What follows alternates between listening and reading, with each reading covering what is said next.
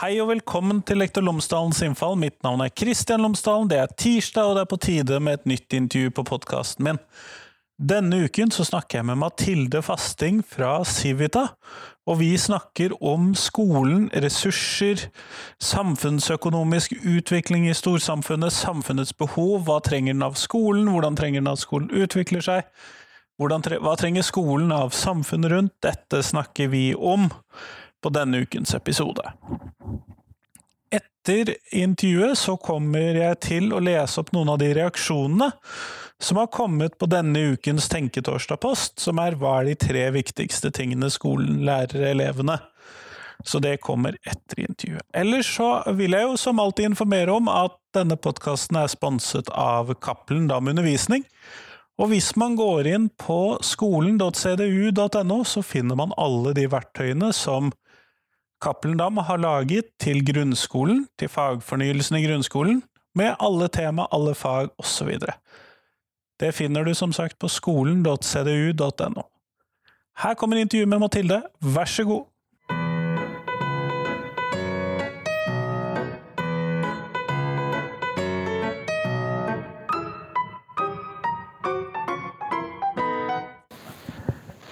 Mathilde Fasting, tusen takk for at du har tatt deg tid til meg i dag. Bare hyggelig. Før, du, før vi starter selve intervjuet, kunne du fortalt lytterne mine tre ting om deg selv, sånn at de kan bli litt bedre kjent med deg. Ja, jeg lurte litt på hva du egentlig hadde lyst til å vite da, men jeg tenkte at uh, siden vi skal snakke litt om, om skole, så tenkte jeg å starte med at jeg liker å lese veldig glad i å lese. Så jeg eh, har eh, en liten sånn, eh, hva skal vi si, et lite bilde på Facebook-siden min på øverst som man kan legge til, som bakgrunnsbilde. Og der fant jeg en veldig søt tegneseriefigur som uh, står på en liten stige i et uh, sannsynligvis veldig høyt bibliotek og skal ta ut en bok, og så står det 'There's no such things as too many books'. Og da tenkte jeg den er for meg. Og så må jeg jo innrømme da at uh, siden det kan bli plassproblemer, så har jeg gått over til å lese en del på Kindle også, selv om jeg sånn, egentlig syns at det strider mot min idé om boken. Men uh, det får nå være. Jeg har skjønt at uh, man kan ikke bare kjøpe fysiske, printete bøker bestandig. Uh, og selv om det er absolutt en egenverdi å sitte og holde i en bok, og det er en egenverdi å være i en bokhandel, og det er en egenverdi å gå i et bibliotek, så er det også greit å ha med seg en Kindle som bare veier noen hundre gram, istedenfor å ha bagasjen full av bøker. Da. Men nå reiser jeg ikke så mye akkurat nå, så nå kunne jeg vel sikkert ha klart meg med fysiske bøker òg. Men det er eh, lettere, og du får klikket raskt, og du får tak i bøker og sånt noe. Men jeg eh, var eh, for ja, rett før korona så rakk jeg å få med meg en liten tur til Oxford, og da brukte jeg mer enn en time, halvannen, kanskje to, inni den eh, kjente bokhandelen der. Den er jo så diger og så fantastisk flott at det var jo bare å svømme rundt i bøker i timevis. Jeg kjenner meg igjen. Du kjenner deg igjen. Så det er i hvert fall én ting. Ehm, så siden vi også sitter og tar opp en podkast, så tenkte jeg at eh, ja, ehm, det gjør jeg også. Jeg eh, driver nå med podkaster for eh, Civita der jeg jobber. Og jeg har funnet ut at fra å synes at det er skummelt å snakke, så syns jeg det er veldig ålreit. Så jeg er en person som liker å snakke, faktisk. Og jeg har kommet meg over den forferdelige terskelen det er å høre sin egen stemme, så det har jeg nå blitt veldig vant til. Og eh, jeg tror faktisk jeg kan si at jeg syns det er helt greit å høre på også. Det har tatt veldig mange år, da, siden jeg ikke går på barneskolen lenger. Så må jeg si at det er en prosess som har tatt kjempelang tid, men jeg har kommet frem til at øh, jo, det kan faktisk fungere. Og hvis jeg da i tillegg i muntlige fremstillinger klarer å si noe fornuftig også, så desto bedre. Jeg, jeg kjenner meg igjen i den. Det tok 100 episoder før jeg klarte å høre meg selv sånn uten problemer. Ja, så det er, det er, en liten terskel. Men så har jeg da Jeg har en datter som driver med stemmegivning eh, og holder på med det som jobb ved siden av skoler og nå etter hvert studier osv. Og, så og jeg har funnet ut at eh, det å bruke stemmen er eh, Det er en fin ting også. at Man kan gjøre det. Ikke bare skrive bestandig, men også, men også snakke. Da. Så det er en annen ting som eh, jeg tenkte jeg skulle si. Og det siste jeg tenkte jeg skulle si, det var eh, Siden vi skal snakke om skole og, og som jeg sa, hva som er viktig der, så må jeg si at jeg har vært så heldig at jeg opp gjennom oppveksten har hatt ikke bare én drømmelærer, men to. Og når du sier drømmelærer, så er det faktisk helt uh, reelt. Den siste, eller den første læreren min som jeg hadde fra første til sjette klasse, da var det jo seksårig barneskole, hun uh, hun hadde full kontroll på den klassen vår, en dame på slutten av 40-årene, tenker jeg. Og vi var alle sammen veldig sterkt knyttet til henne. Og det veldig hyggelige var at eh, for noen år siden, nå har jeg skiftet etternavn siden jeg eller hvis jeg i hvert fall et etternavn til, siden jeg gikk på barneskolen. Men hun ringte plutselig eh, til meg en kveld og lurte på om hun hadde sett meg på TV. Og da, da, måtte jeg si at ja, det hadde hun gjort. Det var meg. Eh, og eh, da var det jo bare mitt nye navn på skjermen der, men hun hadde bestemt funnet ut at det var meg. Og så dro jeg og møtte henne. Og det var skikkelig skikkelig hyggelig, og da var denne damen i slutten av 80-årene. Eh, men hun var fremdeles den samme, så det var eh, en sterk opplevelse. Vi kom frem til at vi husket navnet på alle sammen i den klassen, så det var, eh, var en super, super start på skolen, egentlig. Eh, og det viste seg også da jeg begynte på ungdomsskolen, så fikk jeg jammen meg en eh, Det var en mannlig lærer, og det var bra, for da ble vi en veldig stor klasse, så vi var en klasse på 30 stykker. Og eh, det var ikke, det var ikke småtteri som var i den klassen, for jeg kommer altså fra et sted som ikke, altså ikke, en storby, men en ganske normal størrelse norsk by, hvor alle ble samlet. holdt jeg på å si. Det var ikke akkurat et fleng av verken paralleller eller antall skoler på, på, man kunne velge på, for å si det sånn. Så alle sammen endte opp grunn på den samme ungdomsskolen etter barneskolen. Så det var to barneskoler og én ungdomsskole i kommunen. Og da var det jo alle da, som gikk i den klassen. Og det var en utfordring med denne myndige mannen. Han, eh, apropos stemme, han hadde også en fantastisk, litt sånn dyp, eh, god stemme. Og jeg har også funnet ut at en av hans brødre eh, har jobbet i Rikskringkastingen og var sånn kjempegod på NRK. Så når hun hørte han snakke, så visste du ja, her har vi en programleder som har ikke bare at han kan det, men han har en veldig god radiostemme. Og det hadde også denne læreren her, så han holdt kustus på en gjeng som det var greit å holde kustus på. Det var også helt fantastisk. Så, Høres veldig bra ut. Og du har jo helt rett, det er jo skolen som eh, er temaet i dag, og det er jo ofte mm. det på denne podkasten. Og en av de tingene som jeg ofte lurer på, og som av og til har kommet inn på podkasten, det er om skolen som en arena for sosial mobilitet, om den lykkes med den sosiale mobiliteten. Og det syns jeg det vil være interessant å spørre deg om. Også. Ja, det er eh, La meg si det sånn at eh, det jeg akkurat fortalte nå, det var jo at jeg kommer selv fra et mindre sted. Eller altså, det er ikke så lite, det høres ut som det er helt mini, men det var det ikke. Men i hvert fall, det var ikke veldig stort da. Og der var det ikke snakk om å gå på noen skoler, velge noen skoler eller gjøre noe særlig annet enn alle de andre, fordi man, det var et typisk sted hvor du hadde nærskole som prinsipp. Og det har man jo veldig mange steder i Norge. Men eh, det er jo da, som jeg var inne på i denne klassen, med ungdomsskolen særlig, så var det jo en, en, et ganske bredt spekter av barn i de klassene der. Og sosiale bakgrunn til de elevene på den skolen, eh, det var, det var kreti og pleti. Det var rett og slett alle sammen. Det var jo pliktig obligatorisk skolegang. Og akkurat det prinsippet eh, med nærskole, det er jo noe som, som på et sånt sted som dette kan bidra til god sosial mobilitet av den grunn at vi samles der alle sammen, uavhengig om vi skulle hatt en annen hudfarge eller kommet fra en leilighet eller eh, vært, eh, hatt en far som eh, var sveiser eller en som var lege eller hva som helst. Alle sammen var inne i samme skolen. Og dermed så kunne man også se at hvis lærerne var gode, som jeg også var inne på, så vil et sånt skoleprinsipp også i Norge fungere veldig bra. Men så er det et men. fordi akkurat nå så er det også en debatt når det gjelder Oslo f.eks., som er en storby. For eksempel, det kan gjelde Bergen, det kan gjelde Trondheim, det kan gjelde Stavanger. Men du må men ha større, større, steder. større steder. Da tror jeg nok dessverre at det, og det er en evig konflikt. eh, Fordi eh, den sosiale mobiliteten eh, den krever egentlig viser forskning at hvis du er mange i ulike bakgrunner i en samme klasse, så vil du kunne få til at du kan heve de barna som kanskje ikke ville ha klart seg like bra i andre sammenhenger, mens de barna som allerede er flinke fra før av eller har ressurssterke hjem eller hva, de vil klare seg uansett. Og eh, det som er Dilemmaet da, er at nærskolene blir jo da egentlig bare en blåkopi av boområdet der hvor du bor. Uh, og da kan du egentlig risikere at du får med nærskolen et enda større uh, press for at det blir en veldig konform klasse eller konform skole.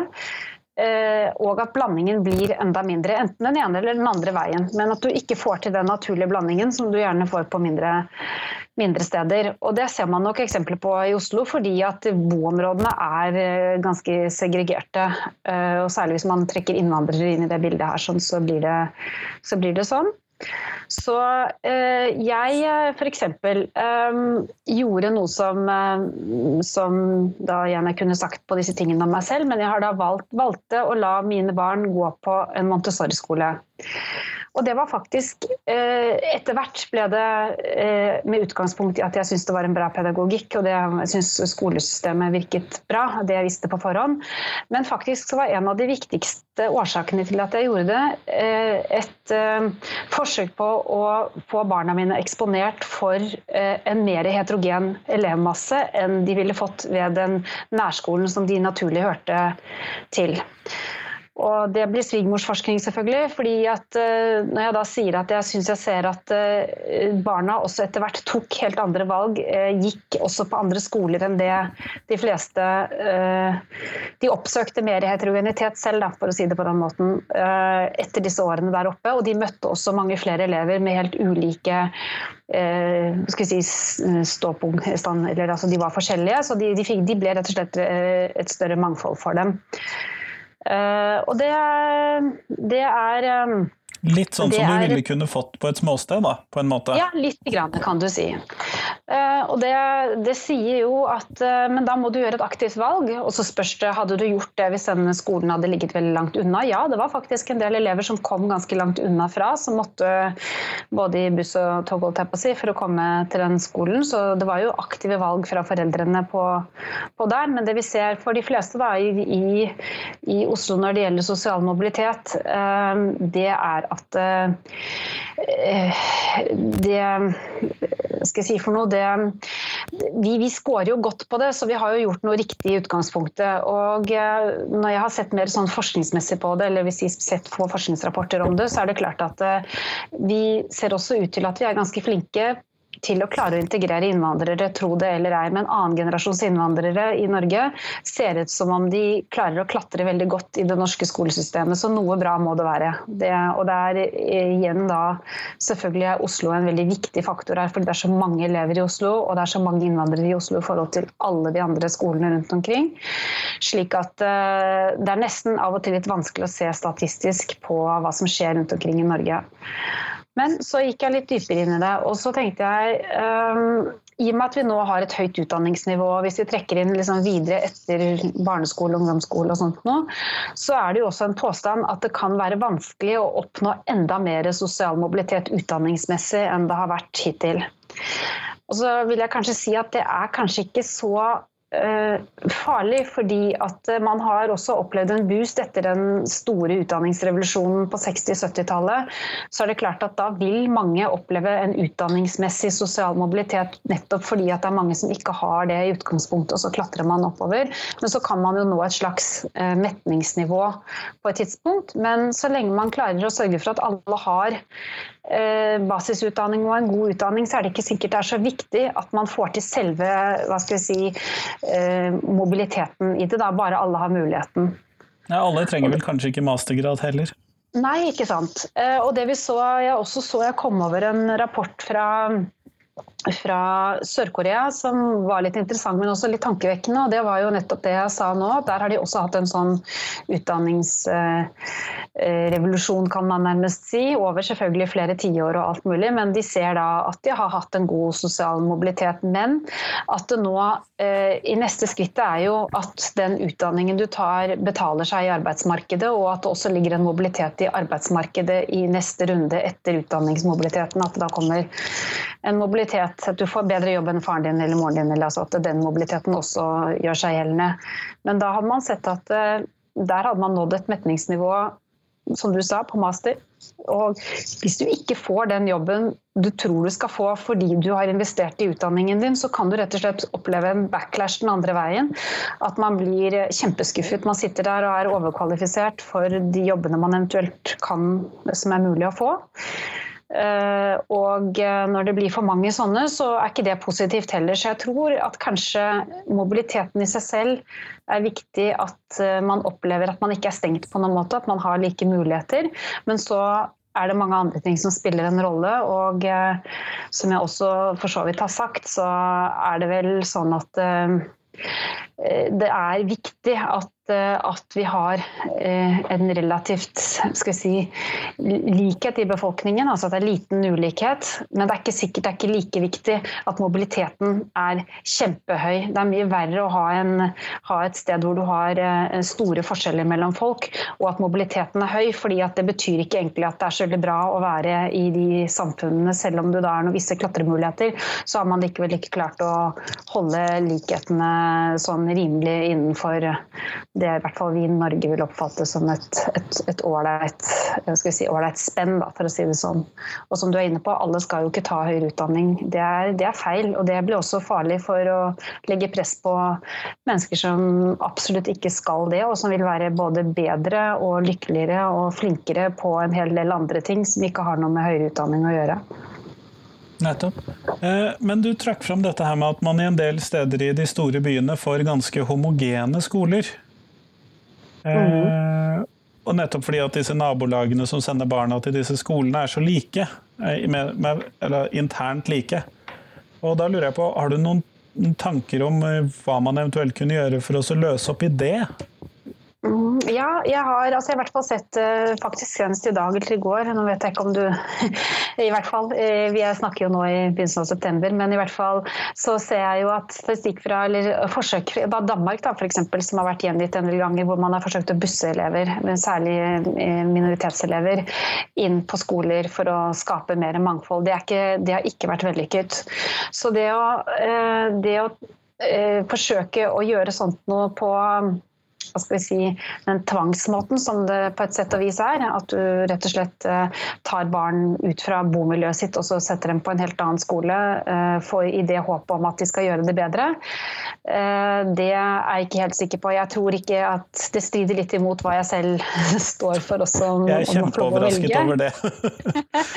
så det er, det er, et sånt prinsipp men, som jeg har. Men likevel så ser jeg jo at uh, det er jo ikke bra heller at vi har skoler eh, hvor du har kanskje eh, skal si, 90% av elevene har eh, la meg si, norsk som ikke, ikke, sitt morsmål. altså At du da sitter der som kanskje én eller to elever i en klasse som faktisk har norsk som morsmål, så blir det jo klart at hvert fall norskundervisningen din vil være annerledes enn i en klasse hvor det bare er norsk, hvor norsk som morsmål er liksom hovedstandarden, og kanskje er én eller to stykker som, som trenger noe ekstra undervisning eller som ikke har det som morsmål.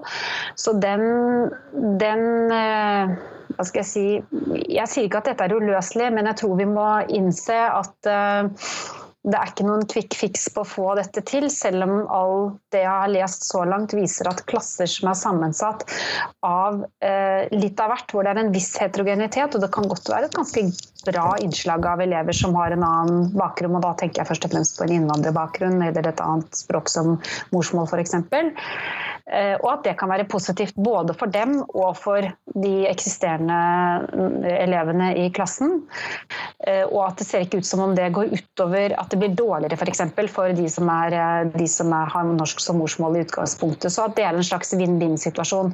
Men hvor man i praksis skal klare å få det til det, det, er ikke godt å si, for det handler jo som jeg sa igjen om nærskoler og der hvor folk faktisk velger å bo og hvor de, hvor de, hvor de lever. Men jeg kan tenke på kanskje én ting som gjør det hvert fall at Norge har gjort en ting som er bra, hvis du sammenligner med Sverige f.eks.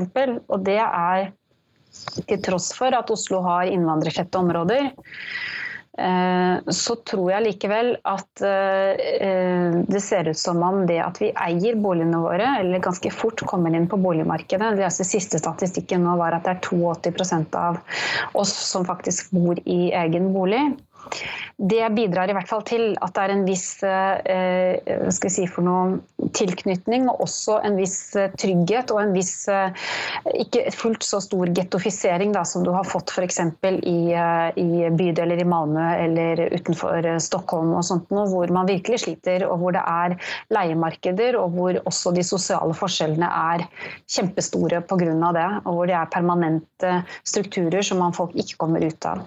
Det viser seg jo at innvandrere etter en god botid her i Norge, kanskje litt lenger enn en nordmann ville hatt, men likevel, eller en nordmann som skulle inn på, på boligmarkedet, eh, så ser det ut som om trenden likevel er at de som kommer til Norge på et eller annet tidspunkt, tar etter nordmenn også. De jobber for å skaffe seg egen bolig og klarer det også.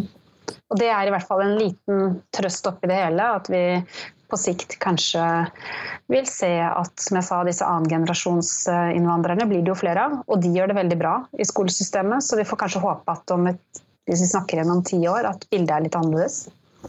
Nettopp, nettopp.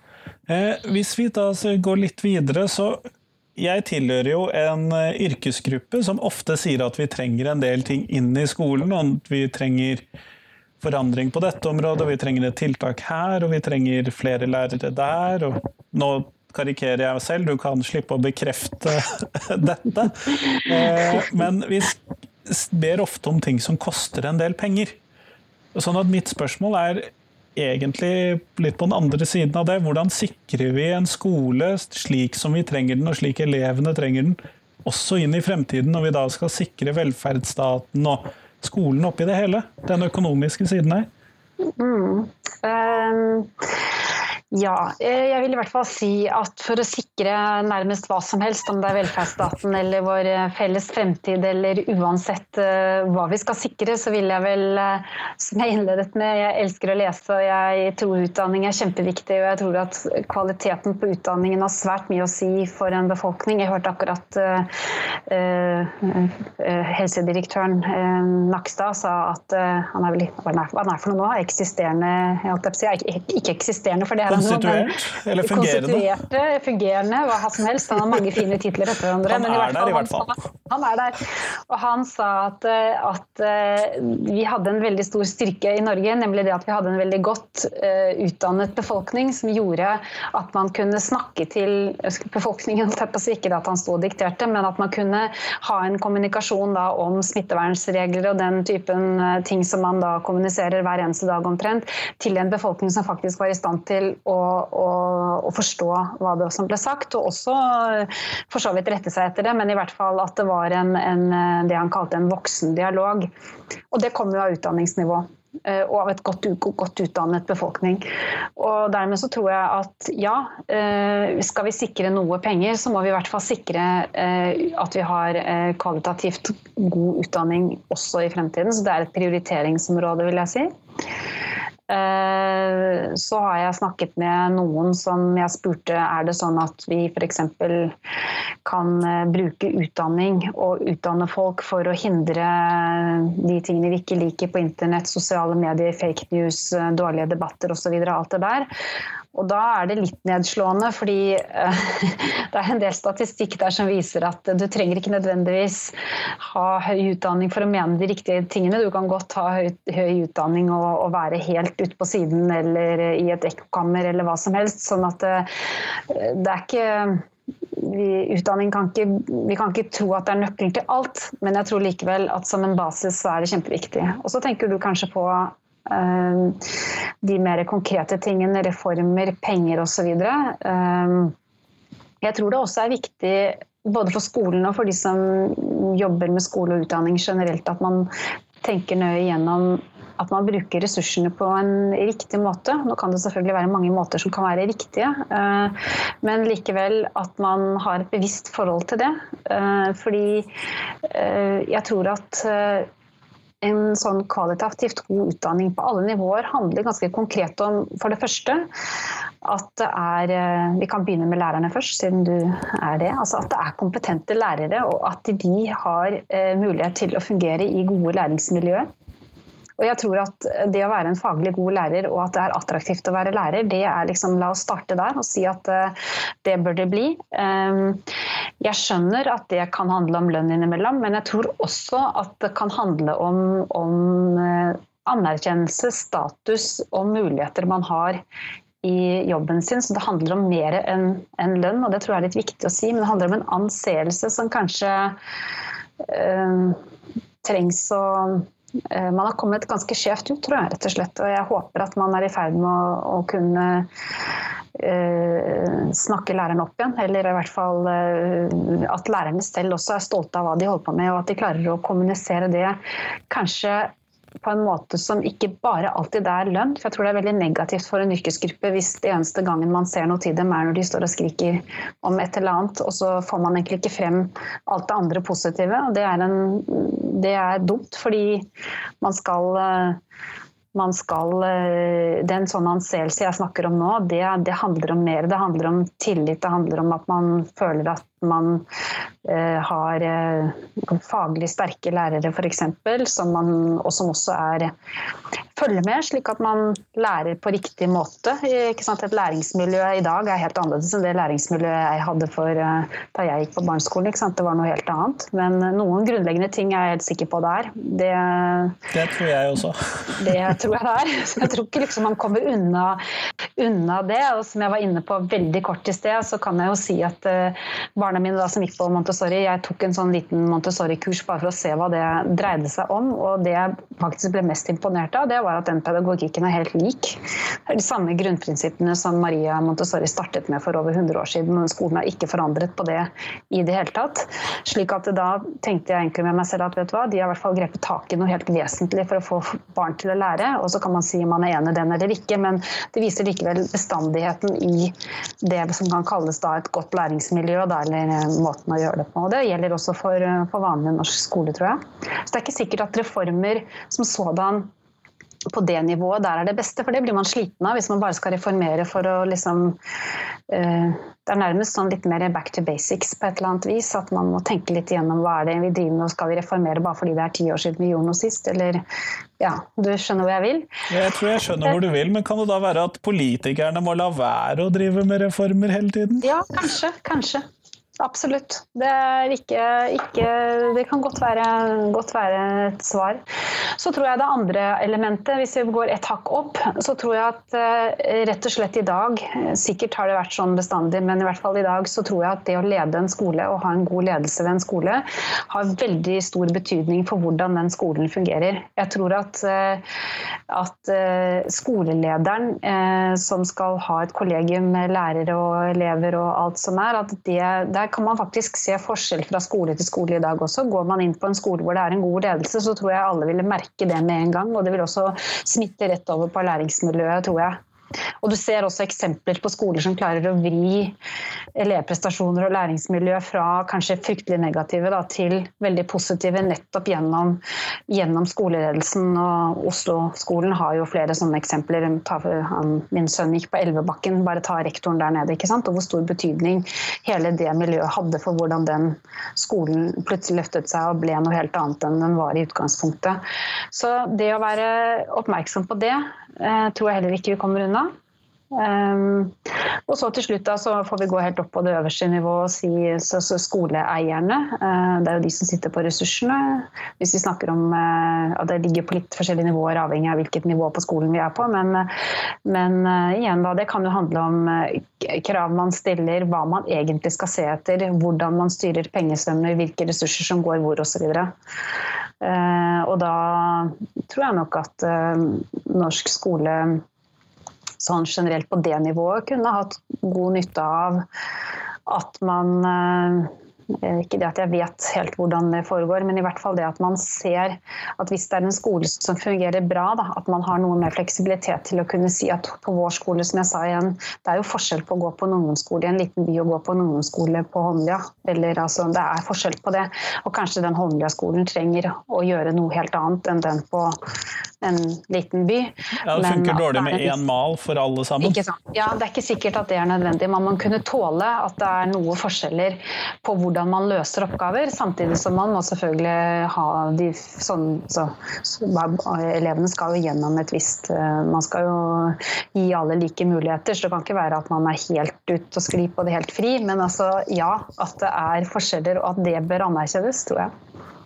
Kjempeflott. Vi går mot slutten av podkasten, Mathilde. Og det jeg da lurer på stiller alle spørsmål om, er hva er det viktigste skolen lærer elevene, hvis du skal velge ut tre ting? Ja, og så da ble jeg så utrolig tradisjonell.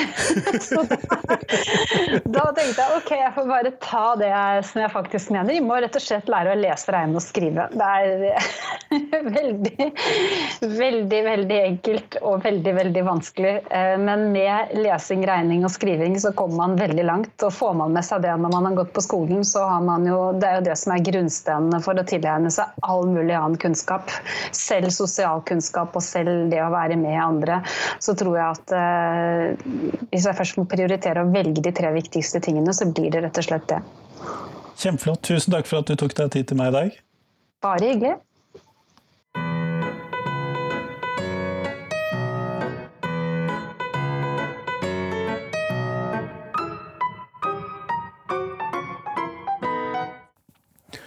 Tusen takk til Mathilde, og tusen takk til deg som hørte på. Nå er det en uke igjen til neste podkastintervju. Jeg er helt sikker på det. Nesten, i hvert fall. Jeg har i hvert fall ikke noe planlagt for denne fredagen, men det kommer i hvert fall da om en uke. Så håper jeg at du i mellomtiden kan dele podkasten min med noen, det blir jeg veldig glad for. Ellers så lovte jeg jo å lese opp hva er de tre viktigste tingene skolen lærer elevene, og hvilke svar jeg har fått på den i ulike Facebook-grupper. Eller hvis folk sender det til meg på e-post, skal jeg lese opp det òg.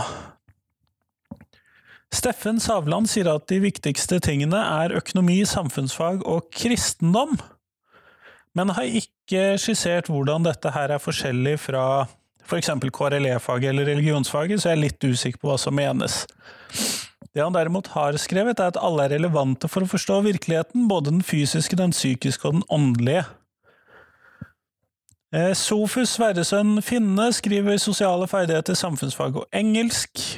Julian Blytt peker på den sosiale utviklingen, men hvis det er faglig, så mener han matematikk, engelsk og samfunnsfag. Martin Linde Lossius sier normer, diskurs innenfor demokratiparadigme og fagferdigheter. Lone Pedersen peker på sløyd, samfunnsfag og norsk. Dette var fra Politisk ungdom, som er en gruppe for eh, ungdommer som er interessert i å diskutere politikk. Inne på koronadugnad for digitale lærere så skriver Camilla Irene Davidsen å mestre motgang, kritisk tenkning og gode strategier for å løse utfordringer, problemer og oppgaver. Mens Runar Lillebjerka peker på raushet, empati og tilgivelse, med andre ord folkeskikk. Der peker Kine Elisabeth Dahl på at dette er noe man kanskje først og fremst burde lære hjemme og øve på, øve på på skolen, men har ikke fått noe svar på det. William Hocking, min gode kollega, peker på biologi, fysikk og kjemi, men jeg mistenker at dette her er eh, fremsagt med en god dose eh, humor. Pernille Borchgrevink peker på refleksjon, nysgjerrighet og empati, mens Arne Christian Eek Kra nevner ærlighet, nysgjerrighet og evnen til å tolerere at vi er så forskjellige at alle må oppfattes som noe udefinerbart. Anniken Solfjell eh, Pedersen peker på refleksjon, samarbeid og kritisk tenkning, mens Fredrik Hansen peker på livsmestring, refleksjon og strategier for å løse utfordringer og problemer. Anita Elinsdatter Klette peker på respekt for folk og natur og fungere best mulig i samfunnet til og evnen til kritisk tenkning og refleksjon. Monica Solvig peker på lære å lære, kritisk tenkning og være greie med hverandre uansett, mens Dag Halvard Kallog peker på svømming. Eller så skriver Grete Høgseth at Tenketorsdag kan bli en god øvelse i hennes kollegie. Det tror jeg hadde vært gøy. Det hadde vært veldig fint hvis dette brer seg. Eller så peker inne på arbeidstidsforhandlingene, så svarer Anette Ege at uh, hva det vil si å være et menneske er én, hvordan uh, elevene kan bruke kunnskap om seg selv til å forstå andre verden på en bedre, bedre og mer raus måte på to, og tenke selv, være kritisk og kreativ på tre. Og hun påpeker at ikke helt prioriterte områder i dagens nyttemål og prestasjonsorienterte skole. Sånn at eh, her var alle de interessante svarene som jeg har fått, iallfall flesteparten av de. Eh, hvis du har noen tanker, hvis det er noen du er enig eller uenig med, send meg gjerne en e-post om det. Eller gå inn på en av disse Facebook-gruppene, på Facebook-gruppen Lektor Lomsdalens innfall eller andre steder. Og post hva du tenker er de tre viktigste, tingene skolen lærer elevene. Men i hvert fall, fram til neste tirsdag så får du en fin uke. Hei, hei!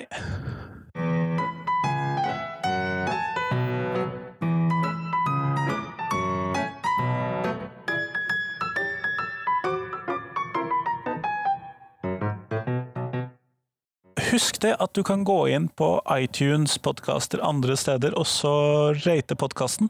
Det blir jeg kjempeglad for. Gjerne full pott, selvfølgelig. Men vi høres!